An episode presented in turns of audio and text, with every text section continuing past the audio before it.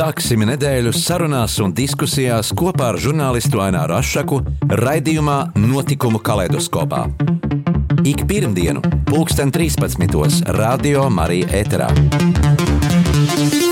Tiksimies ar amatpersonām, interesantiem cilvēkiem, runāsim par aktuālitātēm un ikdienišķām lietām. Gaidīsim arī klausītāju jautājumus Radio Marijas studijas viesiem. Ik pirmdienu, 2013. raidījumā Notikumu kaleidoskopā.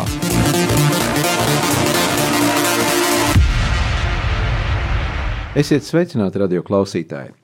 Šodien mūsu saruna būs par Latvijas nacionālo kino industriju un tās veikumu pēdējos gados. Pēc neatkarības atgūšanas 90. gados, kad PSRS finansējums filmām vairs nebija, bet par Eiropas naudu vēl varējām pāragri sapņot, kino industrija bija nonākusi tādā bezcerīgā situācijā. Taču pēc pievienošanās Eiropas Savienībai parādījās daudz iespēju, un arī uz ekrāniem sākām pamanīt arvien vairāk pašmāju kinorežisoru mm, filmas. Un šodien uz sarunu esmu aicinājis Nacionālā kino centra Latvijas filmu nozares informācijas vecāko referenti Kristīnu Matīs. Labdien! Labdien!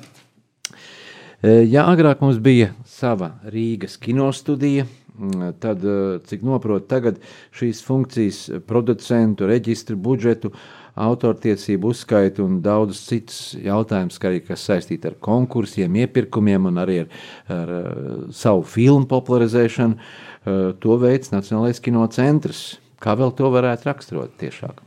Nu, Um, ja, ja mēs tā salīdzinām šī, šos pilnīgi atšķirīgās ekonomiskās sistēmas, kas bija padomu laika ar Rīgas kinostudiju un šā brīža laika neatkarīgā Latvijā, um, tad drīzāk varētu teikt, ka Rīgas kinostudija bija viena kārtīga produ, producējoša studija, filmu producēšanas studija ar visu šo te uh, filmu uh, ražošanas mehānismu, pašiem savus uh, ražošanas cehi un tam līdzīgi. Uh, Šobrīd tādu filmu ražošanas studiju Latvijā ir ļoti daudz. Tās, kas reāli nodarbojas ar filmu veidošanu, kur strādā producenti, šāds gan nosaukums nebija padomu laikos pazīstams, un arī tā profesijas specifika mazliet atšķiras no filmu direktora, kāds bija vecos laikos. Un savukārt Nacionālais kinocentrs, tas ir kā viena pakāpīte virs, tas ir vairāk kā ministrijas apakšnodaļa. Teorētiski, kad sākas kaut kādi uh, nu jau, paldies Dievam, beigušies plāni un runāšanas par to, ka kinocents ir pārāk maziņš, ka to vajadzētu kaut kur pievienot, tad parasti runā par to, ka to varētu pievienot kultūras ministrijai kā vienu nodaļu. Tātad mēs esam vairāk tie politikas veid, nodrošinātāji, veidotāji dzīvē ieviesēji ar visu to administratīvo sakārtošanu, -hmm. pāraudzīšanu, valsts budžeta finansējumu sadalīšanu, tas ir tāds tā kā jumtiņš virs, un tad mūsu veiksmīgās darbības rezultātā filmu nozarē viss var notikt normāli, tā kā ir jānotiek civilizētā Eiropas valstī, un visas filmu studijas var ražīgi strādāt un producēt filmas. Cik pavisam Latvijā šādu tādu producentu studiju, uh, kino režisoru, kas aktīvi tagad darbojas, aptuveni, nu tā? Jā, um, nu tā Statistika šajā studiju jautājumā ir diezgan interesanta un mazliet mainās šo gadu laikā, jo tas, ko jūs runājat par 90. gadiem, tas pareiķināsim, tas ir jau pirms 30 gadiem. Par šiem 30 gadiem ir radikāli viss mainījies Latvijas filmu nozarē kā tādā, jo 90. gados patiešām bija tāds apjukuma laiks, ka neviens nezināja nekur, um, pat ne tikai kā tikt pie Eiropas finansējuma, bet arī pat, pat Latvijā, kur radīsies uh, nauda filmām un kā tas viss tiks uh, veidots. Un um, Latvijai tāda sākuma iezīme tieši par filmu studijām runājot ir tā, ka mums bija ļoti daudz mazu studiju, kuras parasti nodibināja režisors pats, lai varētu taisīt savu vienu filmu, un um, pats, apne, um, pats meklēt sev naudu, pats to naudu dabūt, pats tērēt kā grib, un var sakot, principā tāda vienas filmas vai viena režisora uh, studijas mums bija ļoti daudz, uh, Tas pats producentu reģistrs arī tādas ir piefiksējis. Nu, mums ir ka, um, tā biežākā sajūta, ka mēs skatāmies kaut kādos katalogos, kur ir šobrīd Latvijā reģistrētās studijas, tas skaits vienmēr pārsteidz, jo reāli mēs zinām, ka darbojas um, pietiekami maz. Šie režisori arī ne katru gadu taisās savus filmus, vai viņš, piemēram, piecus gadus viņa studijā nekas nenotiek, jo viņš ir vienu filmu pabeidzis un nav iesācis nākamo. Tā nav īsti normāla situācija kino industrijā kā tādā, pat tik nelielā valstī, kā mēs esam, un tāpēc mums jau, nu, es teiktu, gadus desmit vismaz, veidojas tādas dažas lielās studijas, kas nav monopols nekādā gadījumā, tā ir vienkārši, nu, tas iet uz to Rīgas kinostudijas modeļa pusi apmēram, kur bija tā, ka ir viens studijas direktors, kurš pārauga ļoti daudzus paralēli notiekošus projektus. Un tas, principā, tas arī studijai ir izdevīgāk būt lielai, Nevis, teiksim, ar šo vienu režisoru, vienu filmu, pēc tam piecus gadus sēdēt un nezināt, no kā maksāt algu sev un, un visus nepieciešamos izdevumus. Tāpat arī montāžas un tas viss. Jebko, jā, visu, ko apmaksāt, mm. bet lielajām studijām ir šī normālā paralēlā ražošana, ka viņiem katrs projekts, kas ir ražošanā, ir kaut kur saņēmis finansējumu, viņi no tā var apmaksāt visas studijas nepieciešamības. Viņiem nav nekāda dīkstāvs periodi, jo tad, kad viena filma ir pabeigta, procesā jau ir nākamā un vēl citas. Viņi var paralēli strādāt ar, braukāt pa filmu tirgiem, uz katru tirgu aizbrauc ar citu savu projektu. Šādā teiksim, tāds um, dokumentālā kino laukā viena no pirmajām studijām, kas vispār tā ļoti sazarot attīstījās, bija vidusfilmu studija. Tagad viņa ir uh, mainījusi mazliet starptautiskāk nosaukumu VFS filmas. Bet nu, tā ir tāpat vidusfilmu studija ar to vairāk virziens uz dokumentālo kino. Bet viņi, nu pat, piemēram, Nils Skapāns, slavenais animācijas režisors, ir arī vidusfilmu studijas paspārnē, jau otro gadu taisa animācijas filmu. Mēs esam viņi... pazīstami pasaulē ar animācijas jā, filmām, dokumentālām, jā. Nu, jā. mākslas filmām. Jā, ļoti daudzas no tām dokumentālām filmām, ar ko mēs pasaulē esam pazīstami, ir tapušas tieši vidusfilmu studijā. Tur ir mūžīgais dzinējs Uldis Cekulis, producents pats galvenais, un, un pie viņa ļoti laba komanda, un tā, piemēram, vidusfilmu studija ir skaidrs piemērs, kā uzlabojas filmu kvalitāte, ja cilvēki var strādāt kopā. Profesionāļi, tur ir profesionāļu kolektīvs, kas var skatīties cits cita materiālus, kaut ko ieteikt, kaut kā radoši iedvesmoties cits no cita. Tā vides sajūta arī ir ārkārtīgi svarīga. Nu, un tad spēļu filmu laukā mums arī, protams, attīstās. Mums ir studija Mistrus Mēdī, kurā šobrīd Viesturka Kairiša janvāra filmē. Tā arī ir tāda uh, Um, vai daudzu projektu viņa arī Melānijas Chroniku producēja Viesturam Kairišam, tāda daudzu projektu studija, piemēram, šobrīd studija Ego mēdija, savukārt uh, tajā bija Viestura Kairiša filma Pilsēta pie upes uzņemta, un arī Ilzas Burkovskas Jakobsenes mans mīļākais karš, kas tagad jau animācijas Oskaru sacensībā piedalās. Nu, Gan drīz vai var arī spriest, ka, ka šīs lielās studijas var ieguldīt vairāk pat ne tikai naudas, bet vienkārši jaudas, enerģijas un kapacitātes arī šī viena projekta pēc tam tālāk bīdīšanā, jo tas arī prasa kaut kādu enerģiju, šīs filmas tālāk sūtīt festivālos un tam līdzīgi. Vēl mums ir studija lokomotīva, kurā šobrīd Dāvis Īmaņa filma Gads pirms kara ir pabeigta un nu pat startēja Rotterdams festivālā. Tā kā ir mums arī Tas um, liecina par uh, tādu normālu sakārtotību filmu nozarei, ka mums ir šīs lielās studijas. Tas neizbēgami nozīmē arī starptautisku sadarbību, jo visas šīs lielās filmas ir kā starptautiski kopražojumi veidojas. Un tā nav kaut kāda nezinu, izdabāšana formālām Eiropas prasībām.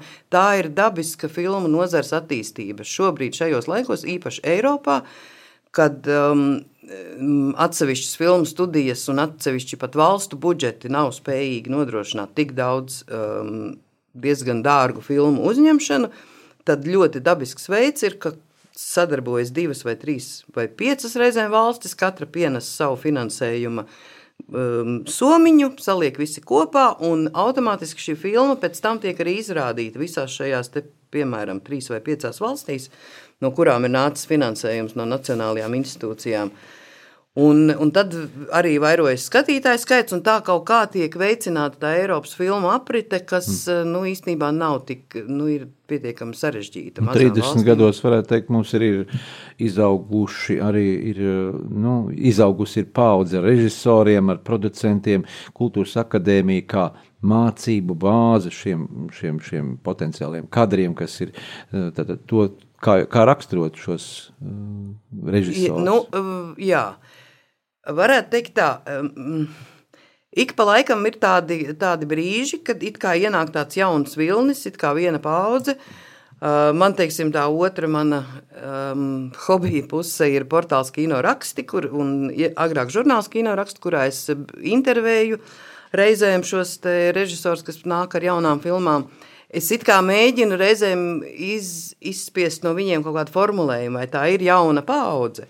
Teiksim, ja mēs runājam tādā teorijas nozīmē, tās um, šie jaunie cilvēki, salīdzinoši jaunie, diemžēl Latvijā um, par debitantiem reizēm nāks saukt arī vidējās paudzes cilvēkus, kas uh, pie savas pirmās filmas tiek tikai, es nezinu, 30, 40 gadu vecumā. Reizē man ir gadījies tā salīdzināt ar padomu laikiem, kad, teiksim, kaut kādam, nezinu, Aloizam Brenčam vai Oļģertam Dunkeram vai uh, kādam Jānim Streičam jau 30 gadu vecumā bija jau kādas 4-5 spēļu filmas. Bet, uh, protams, ka nu, tur bija cits temps vienkārši tajā filmu ražošanai, un tas ir citādāk. Tur nav jēgas salīdzināties. Bet šajos laikos mums ir bijis tā, ka, piemēram, 2014. gadā ienāca vairāki uh, puiši režisori, tur parādījās ar savām pirmajām filmām Andris Gauja, toreiz Juris Kursietis un um, Visi ienāk tādā vienā laikā. 2019. gada rudenī bija pavisam uzreiz četras spēļu filmas, arī tādi puiši režisori, Dzintars Dreibergs ar savu dvēseli puteni, kas arī viņam bija pirmā um, filmu spēļu filma. Var sakot, ir tādi viļņi, ka ienāk šie cilvēki vienā laikā. Mēs tajās sarunās esam nonākuši pie tā, ka nav. Um, Nu, tā ir tāda, var sakot, pēc gadiem viņi ir jauna paudze. Mums šobrīd nav tāda jauna paudze kā tāds um, radošs jēdziens, kā kaut kāda domu biedru grupa ar līdzīgiem konceptiem, vai kā, nu, kā teiksim, franču kino 50. gados ienāca franču jaunais filmas, Trifogo, Dars un pārējie. Tas bija, tas bija tā kā domu biedru kolektīvs, kad visi cits citu kā, um, nu, viņiem bija ļoti svarīga tā kopīgā domāšana. Mūsējiem tā nav. Latvijas jau vispār ir diezgan individuālists savā dabā un kino, lai arī ir kolektīva māksla, bet uh, kolektīvi viņi ir uz filmēšanas laukuma, bet tur tik un tā tas režisors ir viens. Un, uh, Un, un mēs varam teikt, ka mums notiek pilnīgi normāla paudžu nomaiņa Latvijā vecie režisori ar godu uztaisa spožas pēdējās filmas, kuras uh, tiek arī labi izrādītas. Pa, varam pat vēl nesaukt par pēdējām, to mēs nezinām, kā viss attīstīsies, bet uh, ir skaidrs, ka arī vidējā paudze un arī jaunā paudze ļoti jau normāli strādā, katrs savā kā, uh, teritorijā un viss ļoti loģiski. Bet tagad neliela muzikāla pauzīte atgādina mūsu klausītājiem, ka mēs šobrīd studijā sarunājamies ar Nacionālā kinocentra Latvijas filmu nozares informācijas vecāko referentu Kristīnu Matīs. Starp mašīnām, motoriem, meitenēm Uz ielu stūriem, kas salst Starp rēcieniem, rūcieniem, smilpieniem Murks vai sveiciens, dzēguzes balss.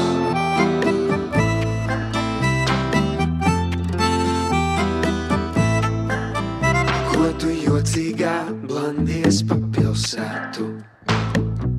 Basām kājām pa sniegu, kas dzēnē tavs kuku par naivu šim gadsimtam. Tāpēc mēs viņu atmetām sen.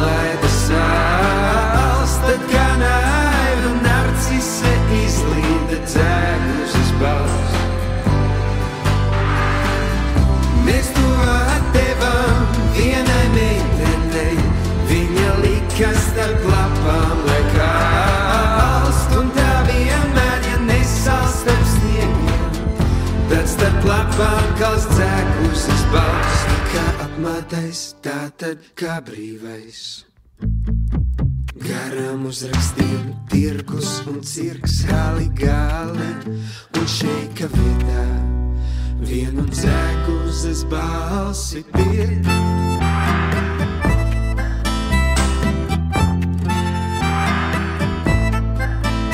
Un ja meitene paraustīs plecus, tad tu nepaliec ilgi vairs tur nevar prasīt, lai visi to saprot. Ko tev nozīmē naivais kukurūks?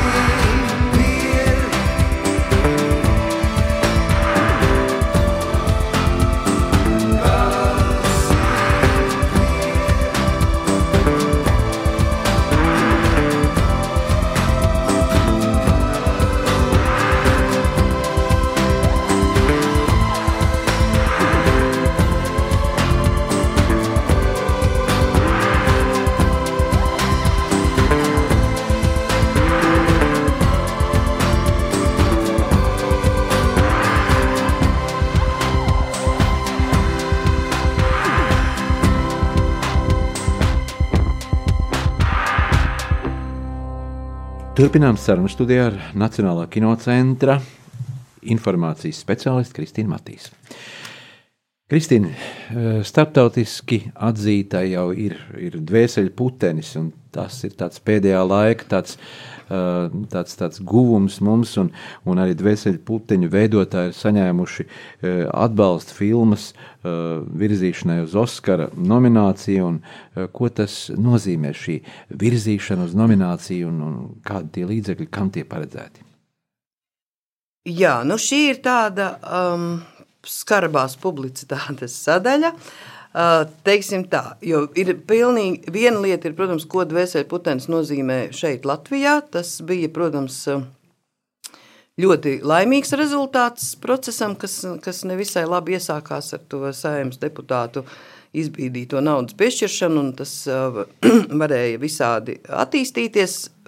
Protams, ārkārtīgi laimīgs um, iznākums ir, uh, un, un pateicoties filmas komandai un Zintaram Dreibergam un, un producentei Ingai Praņevskai, tas viss ir tā laimīgi attīstījies, un šī ir tiešām filma ar ļoti lielu apmeklētāju skaitu. Pēdējā, uh, tātad ap vairāk kā 250 tūkstoši, manuprāt, skatītāji noskatījās šeit Latvijā, un tas ir ļoti svarīgi um, arī tāpēc, ka šī filma ir nonākusi šeit tādā ļoti ražīgā laikā, tūlīt pēc simtgadus programmas, kas arī, kur simtgadus programmā bija 16 filmas, un tās jau visas kopā noskatījās kaut kādi 500 tūkstoši apmēram Latvijas skatītāji.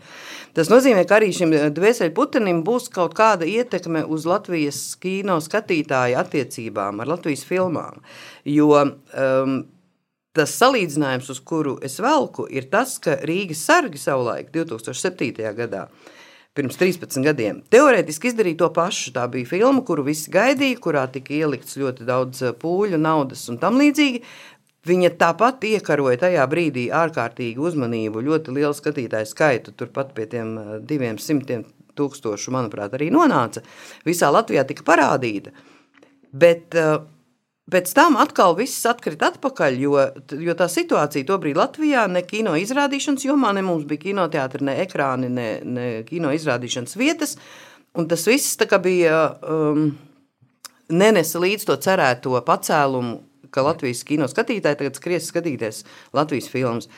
Toties šobrīd ar dvēseli putēni, ar šīm simtgadus filmām, mums ir ārkārtīgi uh, interesanta statistika, ko es varu kā, no kino centra puses kā, uh, parunāt par statistiku. Tātad tieši šis ir brīdis, kad janvārī noslēdzās um, pagājušā gada rezultātu apkopošana. Visu janvāri kino centrs skaita skatītājus, kādi ir 2020. gadā nākuši uz kinoteātriem, uz kino izrādīšanas vietām, kultūras namiem visā Latvijā un visu to.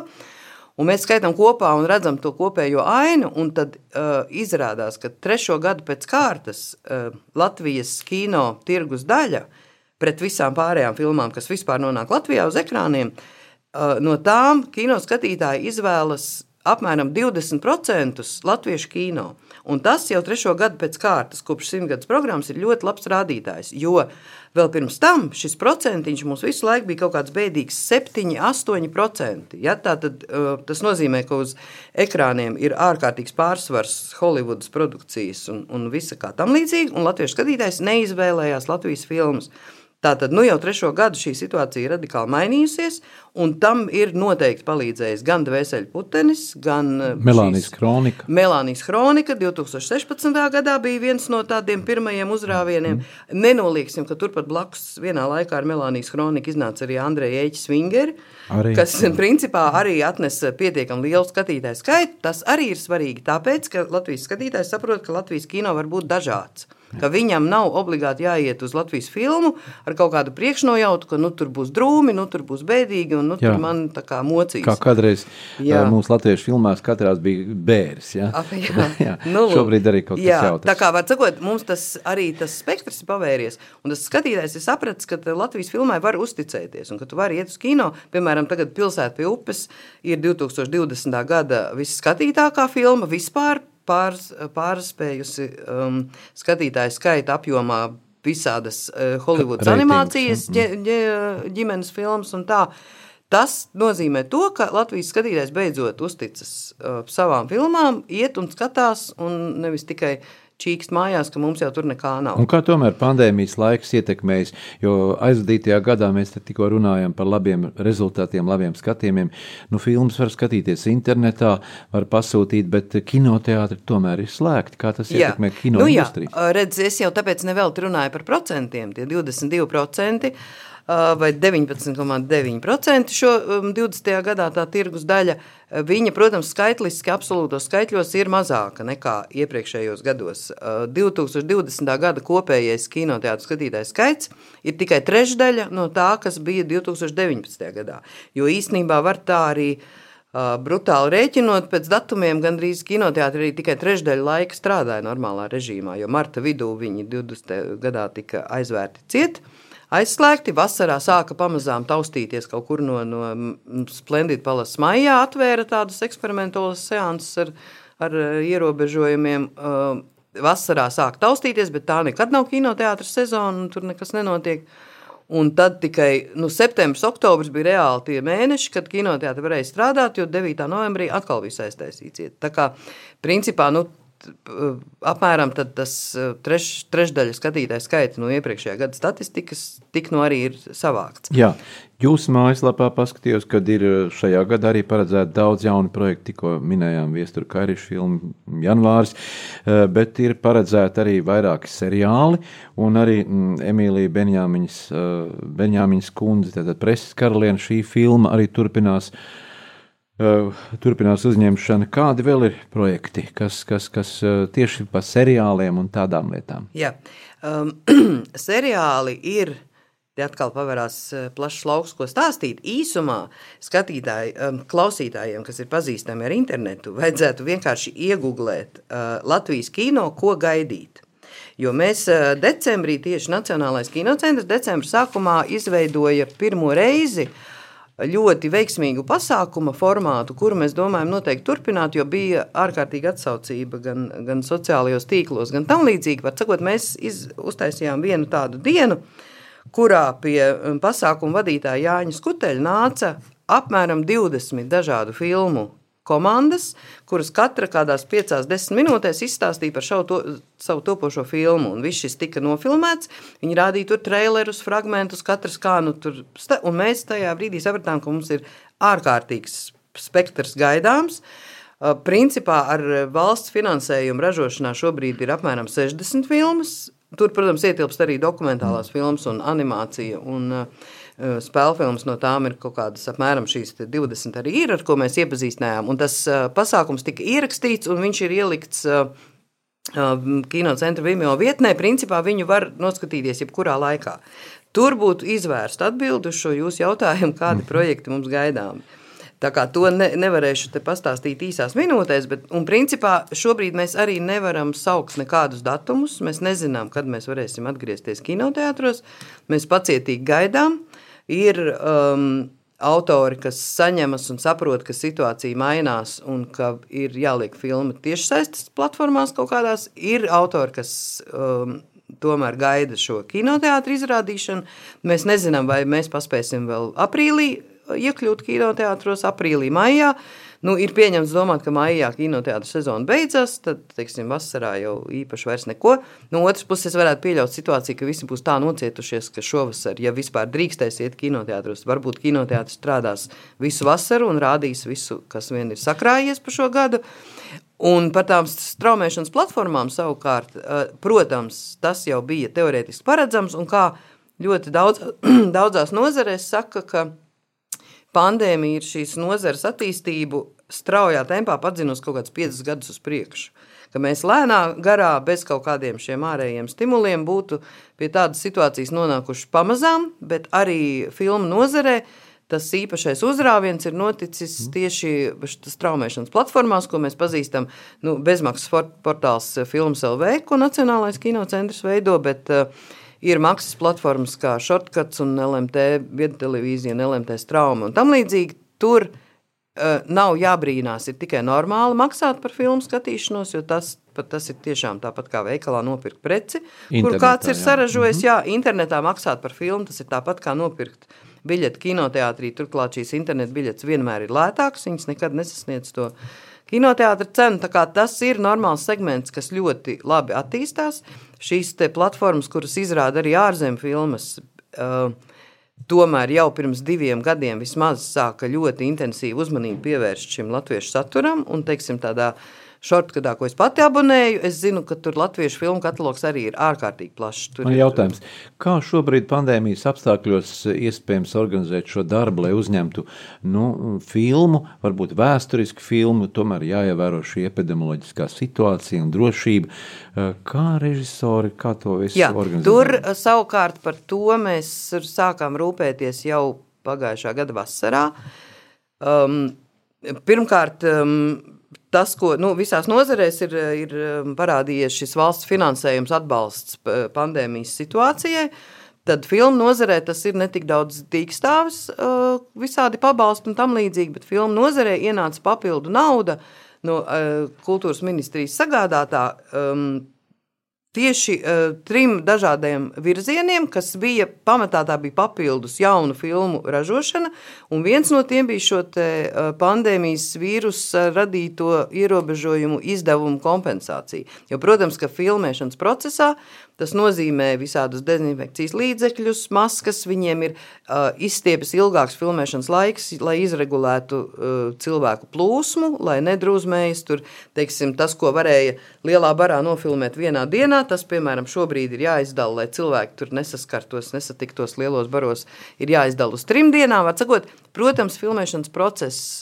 kļūst apgrūtināts, Bet neviens nepadodas, un mums visādos ministra kabineta noteikumos ir īpašs izņēmums filmēšanas procesam, ka tajā brīdī, kad eh, aktieri ir kadrā, viņi drīkst tās maskas noņemt, var sakot, ārpus kadra visi. Nu, principā tā, tāpat kā jebkur. Kā dzīvē. Jā, kā Ik dzīvē. pa laikam mēs redzam arī kaut ko presē, tādas nelielas sludinājumus, kādā, kāda reklāmiņa par to, ka tiek meklēts kāds māsu skata dalībnieks epizodēm, arī galvenajām lomām, gan bērni, gan arī pieaugušie cilvēki. Uh, kur nu, kur šo informāciju varbūt tā cilvēki, ja nav kaut kur dzirdējuši, redzējuši, vai to visu jūsu mājaslapā var izlasīt? Ja? Nu, mēs, um, Nacionālais kinocentrs, diezko, protams, nekādā ziņā nekoordinējuši visas šīs lietas. Jā, tas ir katras pašas studijas um, vajadzība, kad viņiem tāda uzrodas. Principā tā es pieļauju, ka jūs varbūt jautājat, kā potenciālais aktieris, kurš Jā. gribētu šādās te, uz šādiem sludinājumiem reaģēt. Uh, principā tā situācija ir tāda, ka, protams, ka studijas ir iemanījušās, ka ar kinocentra palīdzību, konkrēti ar manu, var izsūtīt relīzes un sasniegt mm. plašāku uh, publicitātes Auditoriju. loku. Jā, bet, protams, ka parasti reklamējas sociālos tīklos un tam līdzīgi, bet cilvēkam, kurš vispār gribētu regulārāk vai mazāk regulāri piedalīties dažādu filmu masu skatos, būtu ļoti ieteicams atrast kādu aktieru atlases aģentūru kuras svešvārdā sauc par casting aģentūrām. Jā. Mums ir tādas nu, divas, trīs ir ļoti enerģiskas, kas, veid, kas darbojas.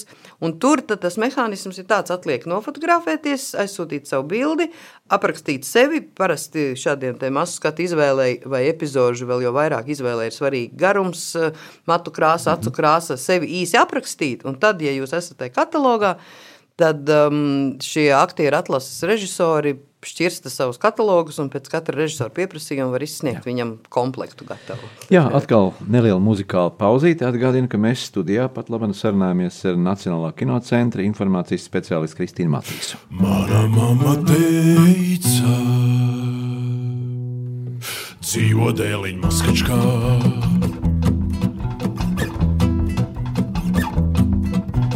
Mana mamma teica, maskačkā. Iemācīsies drosmi labāk nekā armijā. Lai var sobus rādīt, lai var tumsā nebīties, bet kad noiet greizi, droši lapās aizlaisties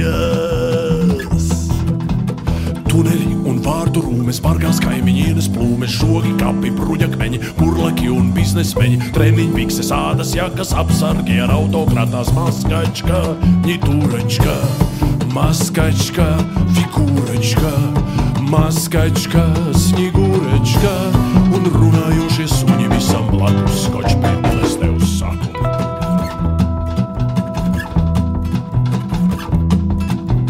Gribi dzīvot jautri, dzīvot dēliņa skačkā. Te ir tādi ļaudis, kādu nav pat pasakā. Tik ar vienu vārdu tevi kājās piecelt var, taču jau ar otru atsēdināt atpakaļ. Tirgo karalienes, filozofis, lauka ielas, profesori maina riepas, mīlētāji osta liepas, un uz velo laidelējas studentes kā trakas spējas. Maskačkā!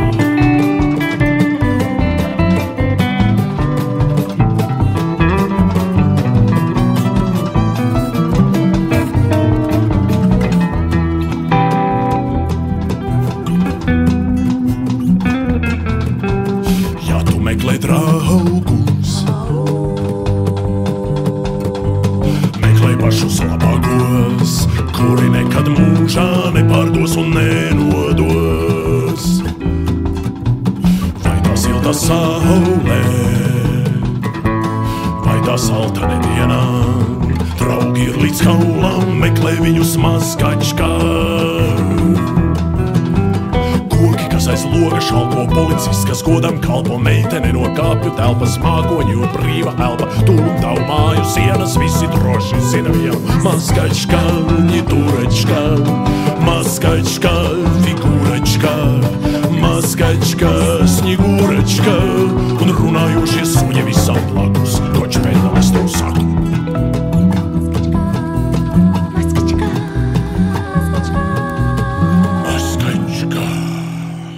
Turpinām sarunu studijā ar Latvijas Nacionālā kino centra informācijas speciālistu Kristīnu Matīsu.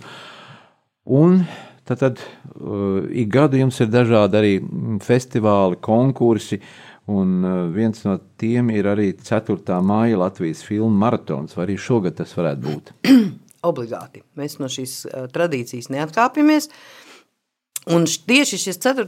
maija um, maratons bija 2020. gadā, pagājušajā gadā. Tas bija tāds ārkārtīgs izaicinājums, un mēs bijām kinocentrā ar um, kolēģiem ārkārtīgi lepni, ka mēs um, to uzņēmāmies. Jo, protams, ka um, pirmā reakcija varēja būt, ka nu, tagad uh, tātad šī Latvijas filmu 4. maija Latvijas filmu maratona tradīcija ir, ka nu jau vairāk nekā 15 gadus katru gadu tieši 4. maijā valsts svētkos kinoteātrī Splendid Palace visu dienu abās zālēs bez maksas rāda jaunākās Latvijas filmas. Mēs vienmēr tur rādījām speciālu programmu, Tur vienmēr no rīta līdz vakaram bija pilnīgi burzma un drūzma visās zālēs. Apmēram 3000 cilvēku tur vienmēr izgāja cauri šim kinoteātrim dienas laikā.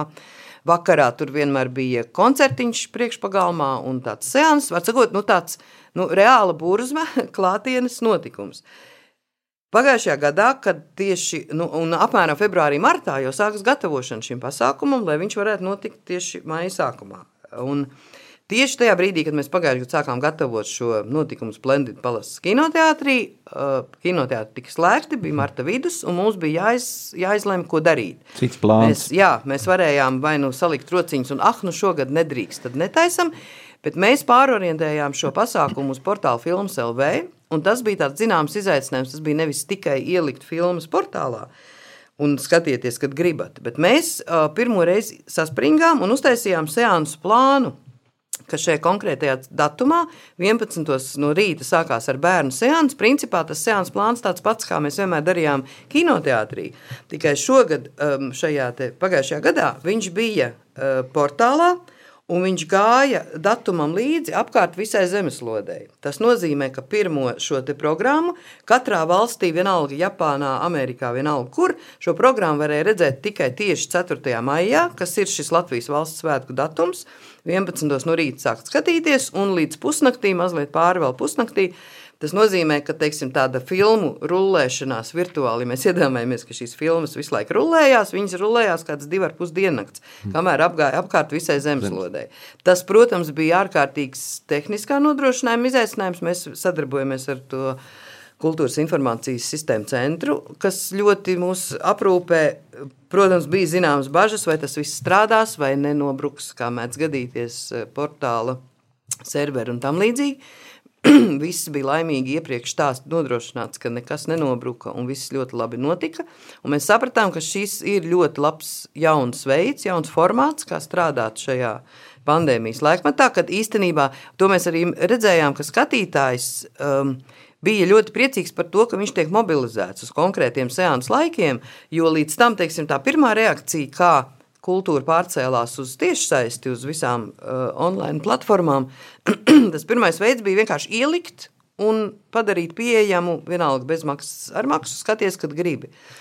Un tad, teiksim, tas ir viens veids, kā cilvēks var arī tā, nu, labi, viņš zina, ka tur ir, bet viņam nav nekādas motivācijas tieši šobrīd iet tur skatīties. Jo aiziet uz kinoteātri, tas tomēr ir process. Tas ir konkrēts, jā, jā brīdis, kad tu ej uz konkrētā laikā, uz konkrētu vietu. Un lūk, tad šis tāda um, filmu maratona sakārtošanas seansos, tas arī kā, kā mobilizē to cilvēku. Viņš tad saplāno savu dienu, ka viņš no rīta skatīsies to, mm. pa dienu viņš šito, vakarā to, tad nu, ir kaut kāda pilnīgi cita attieksme pret to it kā amorfo tiešsaistes vidi, kurā, nu, kurā var peldēt un, un atrast sazin ko, bet tad, ja tu mobilizējies uz šo vienu pasākumu, tā kā principā ir pilnīgi skaidrs, ka mēs to darīsim arī šogad, ka tā tad arī šogad 4. maijā portālā Filmas LV noteikti būs šāda programma visas dienas garumā, kas tātad pieejama visā pasaulē.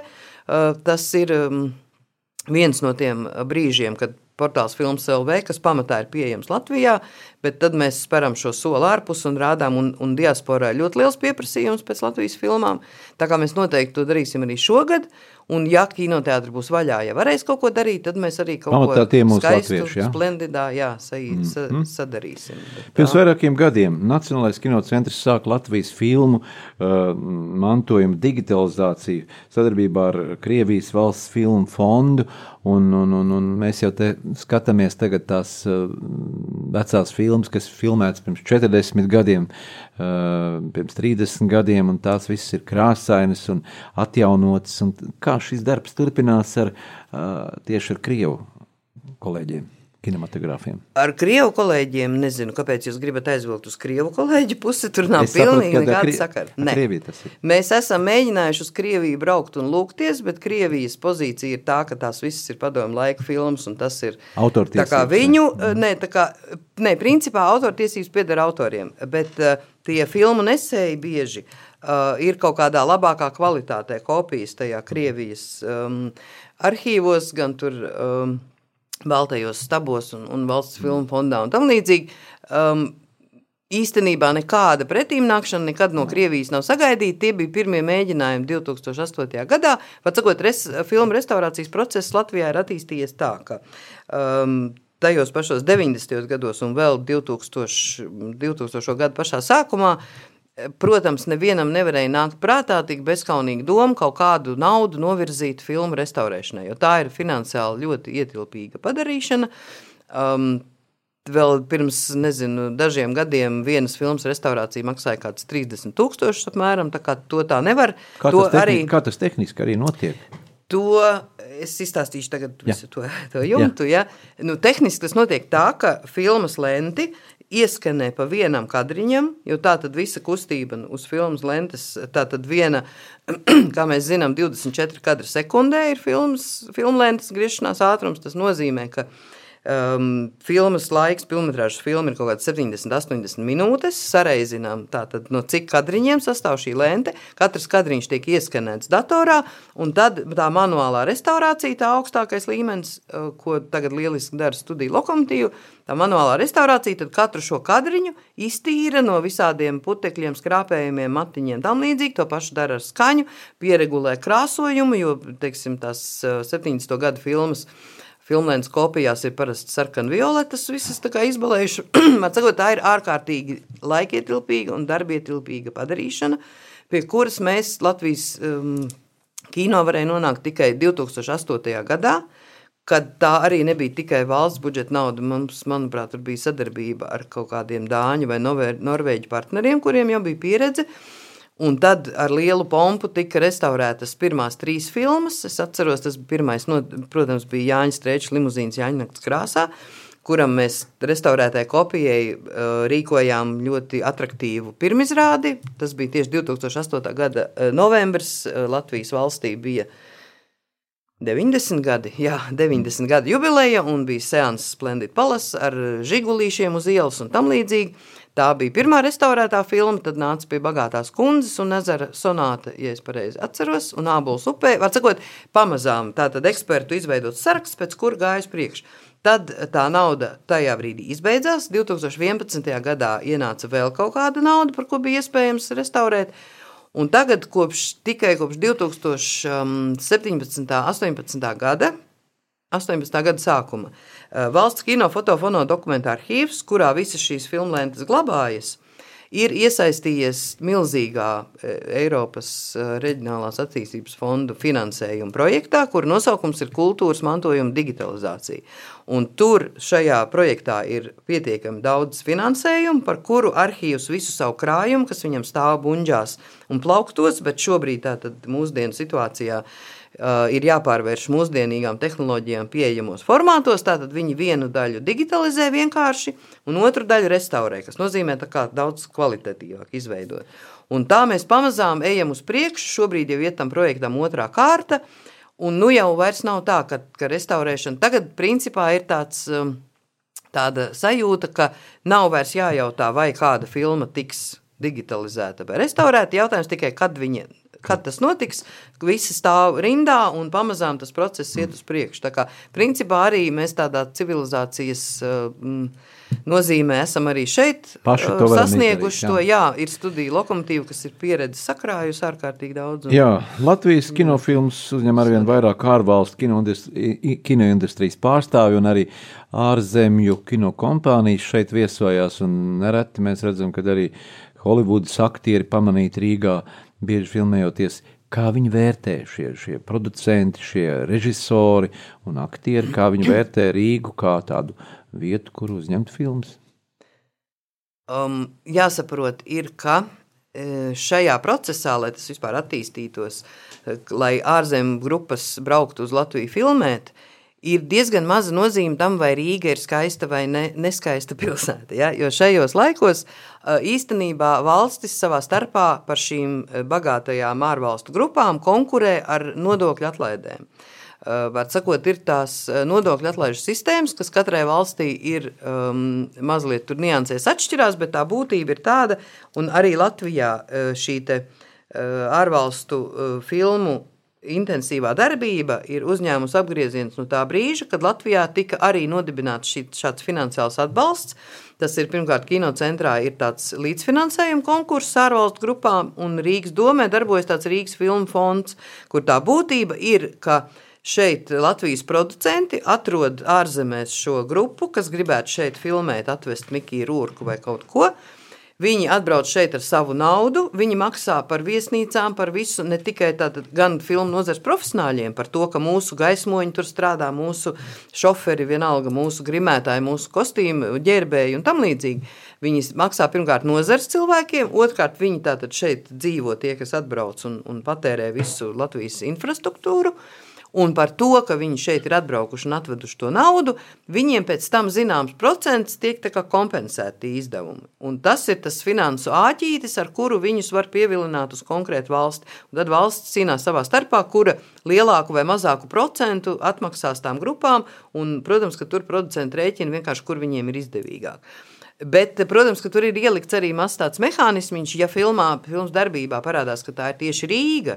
Ja tas ir svarīgi, ka šī filma notiek Latvijā, ka Mikls Rūks tieši Rīgā, eh, arī filmas darbībā parādās, tad viņi var dabūt lielāku procentiņu atpakaļ. Tā kā principā viņi būtu ieinteresēti arī filmas sižetā ieviest kaut ko par Rīgu un Latviju. Tā, kā, un tā ir vienkārši ir tāda arī normāla viena no apakšsistēmām normāli strādājošā filmu industrijā, ka notiek šī te, uh, ārvalstu grupu iebraukšana, tas um, zināmā mērā viņi ienāk ar, ar lielu naudu, kas ļauj mūsu kino profesionāļiem piedalīties vērienīgā filmēšanā, kur varbūt, teiksim, mums reizi nezinu, cik gados ir tik liela budžeta filmas, kurās tad var redzēt, kā tas notiek mūsu profesionāļi ir ļoti labā līmenī. Par to liecina fakts, ka šīs grupas atgriežas. Piemēram, um, Krievu, Baltkrievu, nu jau starptautiskais režisors Sergejs Lozņica jau ir vairākas filmas Latvijā uzņēmis. Tieši tāpēc, ka ne jau Latvijā skaistāka daba, bet tāpēc, ka Latvijā ir ļoti labi kino profesionāļi, uz kuriem var paļauties. Viņš zina, ka viņš te, viņam neko nesalaidīs dēlī, viņam filmēšana nebūs brāķa dēļ, neizmaksās dārgāk un tam līdzīgi. Te, Jā, sakot, vai mūsu kinematogrāfi arī dodas uz citām valstīm šobrīd filmēt kādas filmas, vai tas ir tikai dažas šobrīd, epizodes? Šobrīd, protams, nē. Um, bet, um, uh, principā, nu tas īstenībā vienmēr tas nav tāds uh, pašmērķis aizbraukt citur kaut kur pafilmēt. Tas ir, uh, protams, ļoti atkarīgs no filmas stāsta. Un, uh, kā piemēram Jurim Kursietim bija filma Oļeks par mm, viestrādnieku Briselē, nu skaidrs, ka viņi brauc un filmēja dažas lietas uh, tur, uh, Tur, kur vienkārši ir svarīgi eh, šo kaut kādu geogrāfisko, topogrāfisko konkrētību pielikt klāt, bet tas īstenībā gadās pietiekami reti, jo var ļoti labi uzdot arī kaut kādas Latvijas interjerus un dekorācijas var uzdot par Briseles interjeriem. Piemēram, man liekas, ļoti interesants šajā gadījumā būs eh, projekts eh, aktrise Elza Gauja, debitē kā režisore ar melno komēdiju Mamma vēl smaida, un viņai tas stāsts ir, ka Eh, trīs māsas no Eiropas ved savu mammu uz Latviju ar mašīnu. Tas teorētiski tas nozīmētu filmēt gandrīz visās Eiropas valstīs, kurām viņi izbrauc cauri, bet man ļoti patika eh, producents Andris Gauja eh, vienā tā sauktajā pičingā šajā projekta prezentācijas um, reizē stāstīja, ka īstenībā jau viņiem nav nekādas vajadzības braukt filmēt konkrēti šoseju Polijā vai autobānu Vācijā. Viņi to visu var izdarīt tepat Latvijā, vienkārši ieliekot kadrā, piemēram, svešvalodā kaut kādu ceļzīmi, ja, un, un viss, un te uzreiz ir kaut kāds polijas eh, ceļmalas efekts. Tā kā principā ar, šādu te, eh, tri, ar šādiem trikiem un tādu kombinēšanos ir iespējams eh, ne jau velti kino mākslā ir atsevišķi jēdziens kombinētie kadri, kas ir pazīstams jau no Jā. 50 gadiem. Mūsu kino m, mm, tomēr atšķiras ar, ar saviem sižetiem, ar savu tehnisko skatījumu. Ja mēs skatāmies šos Hollywoods grāvējus, ja, tad nemitīgi mainās kadrs, eh, nemitīgi mainās eh, kadrā kaut kādas straujas kustības un arī skaņas. Tas viss, kā varētu raksturot šo nu, filmu uztveršanu. Jo daudzi saka, skatītāji, ka man nepatīk tomēr tās Holivudas filmas, kurām ir šie, šie, šie, šie pārmaiņu kadri tik bieži. Tas jau būtu. Uh, no vienas puses būtu skaisti, ja cilvēks izlēma, ka viņam nepatīk šīs Holivudas filmas un pievēršās Latvijas filmām. Uh, Eh, man, diemžēl, jāsaka, ka nav šobrīd tāda nu, radikāla atšķirība, ka varēs iet atveldzēties uz Latvijas filmām, jo eh, īstenībā tas ir laikmets, kas pārmaina vispār visu skatītāju uztveri, un skaidrs, ka eh, filmas tāpat Nu, cita lieta mums varbūt ir kaut kāds lēnāks un, un, un vēsāks temperaments un tam līdzīgi. Un, protams, mums ir režisori, kas vispār strādā tikai ar gariem kadriem, un tur ir vienkārši bauda apsēsties un skatīties, kā kamera, es nezinu, tur piecas minūtes nenovēršas no viena, no vienas mizānscēnas, no, viena, no vienas ainavas. Laila Pakalniņa tādā ziņā mums ir vienkārši brīnišķīgs paraugs. Bet, bet skaidrs, ka attīstās arī šī Uh, nu, vispār, nē, nu tas, ka cilvēki ir, pie, diemžēl, mūsu smadzenes tiek piesārņotas tādā veidā, ka arvien jaunas tehnoloģijas um, velk uz to, ka cilvēku ir viegli paķert ar vizuālu, uh, vizuāli aizķerot ar bildi, viņu ir vieglāk paķert nekā ar kaut kādu uh, domājamu objektu. Un, protams, ka tā, tā bilžu mainīšanās acu priekšā šķietam ir tas veids, kā cilvēku intriģēt, jo mēs pilnīgi uh, fiziski, ja mēs redzam, ka kaut kur kaut kas kustās uz ekrāna, mēs tam vairāk pievēršamies nekā tad, ja tur stāv statiska bilde. Uh, Un, un principā jau tas laikmeta uh, mainīšanās ir kaut vai uzskatām, redzam, paskatoties, piemēram, nu šodien noskatoties pirms 40 uh, gadiem uzņemto Aivaru Freimaņa spēļu filmu Puika, liekas pilnīgi cita sajūta, ka tas ir pilnīgi cits latviešu kino, lai gan mums, mēs varam domāt, ka šobrīd mums arī ir uh, kaut kāda atšķirīga uztvere, bet, bet ja mēs redzam, kā, kā Freimaņa filmā, nu nezinu, divas minūtes zirdziņš gar meža malu pa sniegu velk ragavas, kurās tur ir uh, nocirstais uh, malkas bluķis iekšā un puika brien pa to sniegu pakaļ. Tur viss notiek, nu labi, tas arī ir Freimans dokumentālists un tam līdzīgi. Uh, Aloizam Brečam tajā pašā laikā droši vien bija daudz, ir, uh, ir daudz dinamiskāks films, kas, protams, arī ir no žanra atkarīgs. Nu, var sakot, es negribētu tā baigi ļoti skaidri nošķirt, ka nu, Latvijas filmas ir tādas un Holivudas filmas ir citādas. Skaidrs, ka uh, Holivudas filmās ir ļoti smalki izrēķināti un pieredzes diktāņēmieni, kā tas ir jādara. Cita lieta, ka, ja skatītājiem tas nepatīk, nu, ļoti labi skatītājiem ir iespējas meklēt Izvēles citu, iespējas, jā, jā. izvēles iespēja. Tas jau arī ir tas labums, ka, ka Latvijas filmu spektrs šobrīd ir pietiekami plašs, ka mums jau arī ir iespējas atrast gan dinamiskas, gan mazāk dinamiskas, jebkādas filmas, jeb, jebkuram Latvijā skatītājam. mēs Jā. šobrīd izmantojam tās digitalizētās tehnoloģijas filmu uzņemšanā, kur varbūt uh, dzīvā realitāte uh, nav, bet tā tiek radīta uzbūrta ar šīm tehnoloģijām. Varbūt Mums tas tā ir gan normāla, protams, normāla tehnoloģija attīstība. Uh, Mums, uh, mums pat eh, Latvijā ik pa laikam, nu, teiksim, tāds zaļais fons, uh, kas ir profesionālā žargona jēdziens, tas ir pazīstams jau ilgi. Tā, piemēram, gan jau pat, pat Rīgas sargos, piemēram, veidoja pilnu krastmalu ar cilvēkiem, veidoja tā, ka nofilmēja mazu pūlīti un aizlika viņam fonā zaļu fonu, un tad uz ekrāna bija iespējams tur vairāk kārt replicēt šo pūli un, un iznāk pilnu krastmalu ar cilvēkiem. Eh, Mums ir tātad Latvijas kino vēsturē ik pa laikam tādas lietas, ka, nu, ka kāds saņemās kaut ko pirmo reizi izdarīt, ka, piemēram, es atceros, ka kādā 2004. gadā mums iznāca pirmā 3D animācijas filma. Nevis ar tā, kas 3D brillēm jāstās, bet tas ir tā kā telpiskie, nu tā kā Šreks un visi šie, tie telpiskie varoņi mums bija tā, Eža Kažociņa režisora Aiblei studijā arī uz, uzveidoja eh, Tur tieši tādā pašā veidā, digitāli veidojot šo visu to, to apjomīgo telpisko katru varoņu tēlu. Tad, teiksim, uh, ūdensbumbrasniem runcim, kad bija 2004. gada filma, tur kā pirmo reizi, uh, tur, piemēram, vāzē noliecās tās puķes. Tas arī bija tā kā datora efekts, kad mazā māsiņa, mazā Linda ielēja vīnu pu- puķu vāzē un uzreiz noliecās tulpes vai kas nu tur bija. Tas arī bija tā tāds speciāli taisīts datorefekts. Nu, var sakot, visādas lietas, protams, arī mūsu kinematogrāfisti izmēģina, un, un nekur jau, jo īstenībā kino ir viena no globālākajām mākslām. Filmas kā, rezu, kā darba rezultāts ceļo pa visām valstīm, un ir vienkārši pat nav fiziski iespējams sēdēt savā kaut kādā aizgaldiņā un neko nezināt, kas notiek pasaulē, un neko nelietot. Var teikt, ka notiek. filmu industrija dzīvos. Tas ja ir mēs sakām, ka pāri, jā, televīzija, pāri te, televīzija kaut kad tomēr var, nu, kā tāda varētu iznīkt, jā, televīzija, bet uh, filmu Nu, industrija- es nezinu, to jau katru gadu, nu, tad, kad um, parādījās kino kā māksla, tad visi runāja, ka tūlīt teātris iznīks.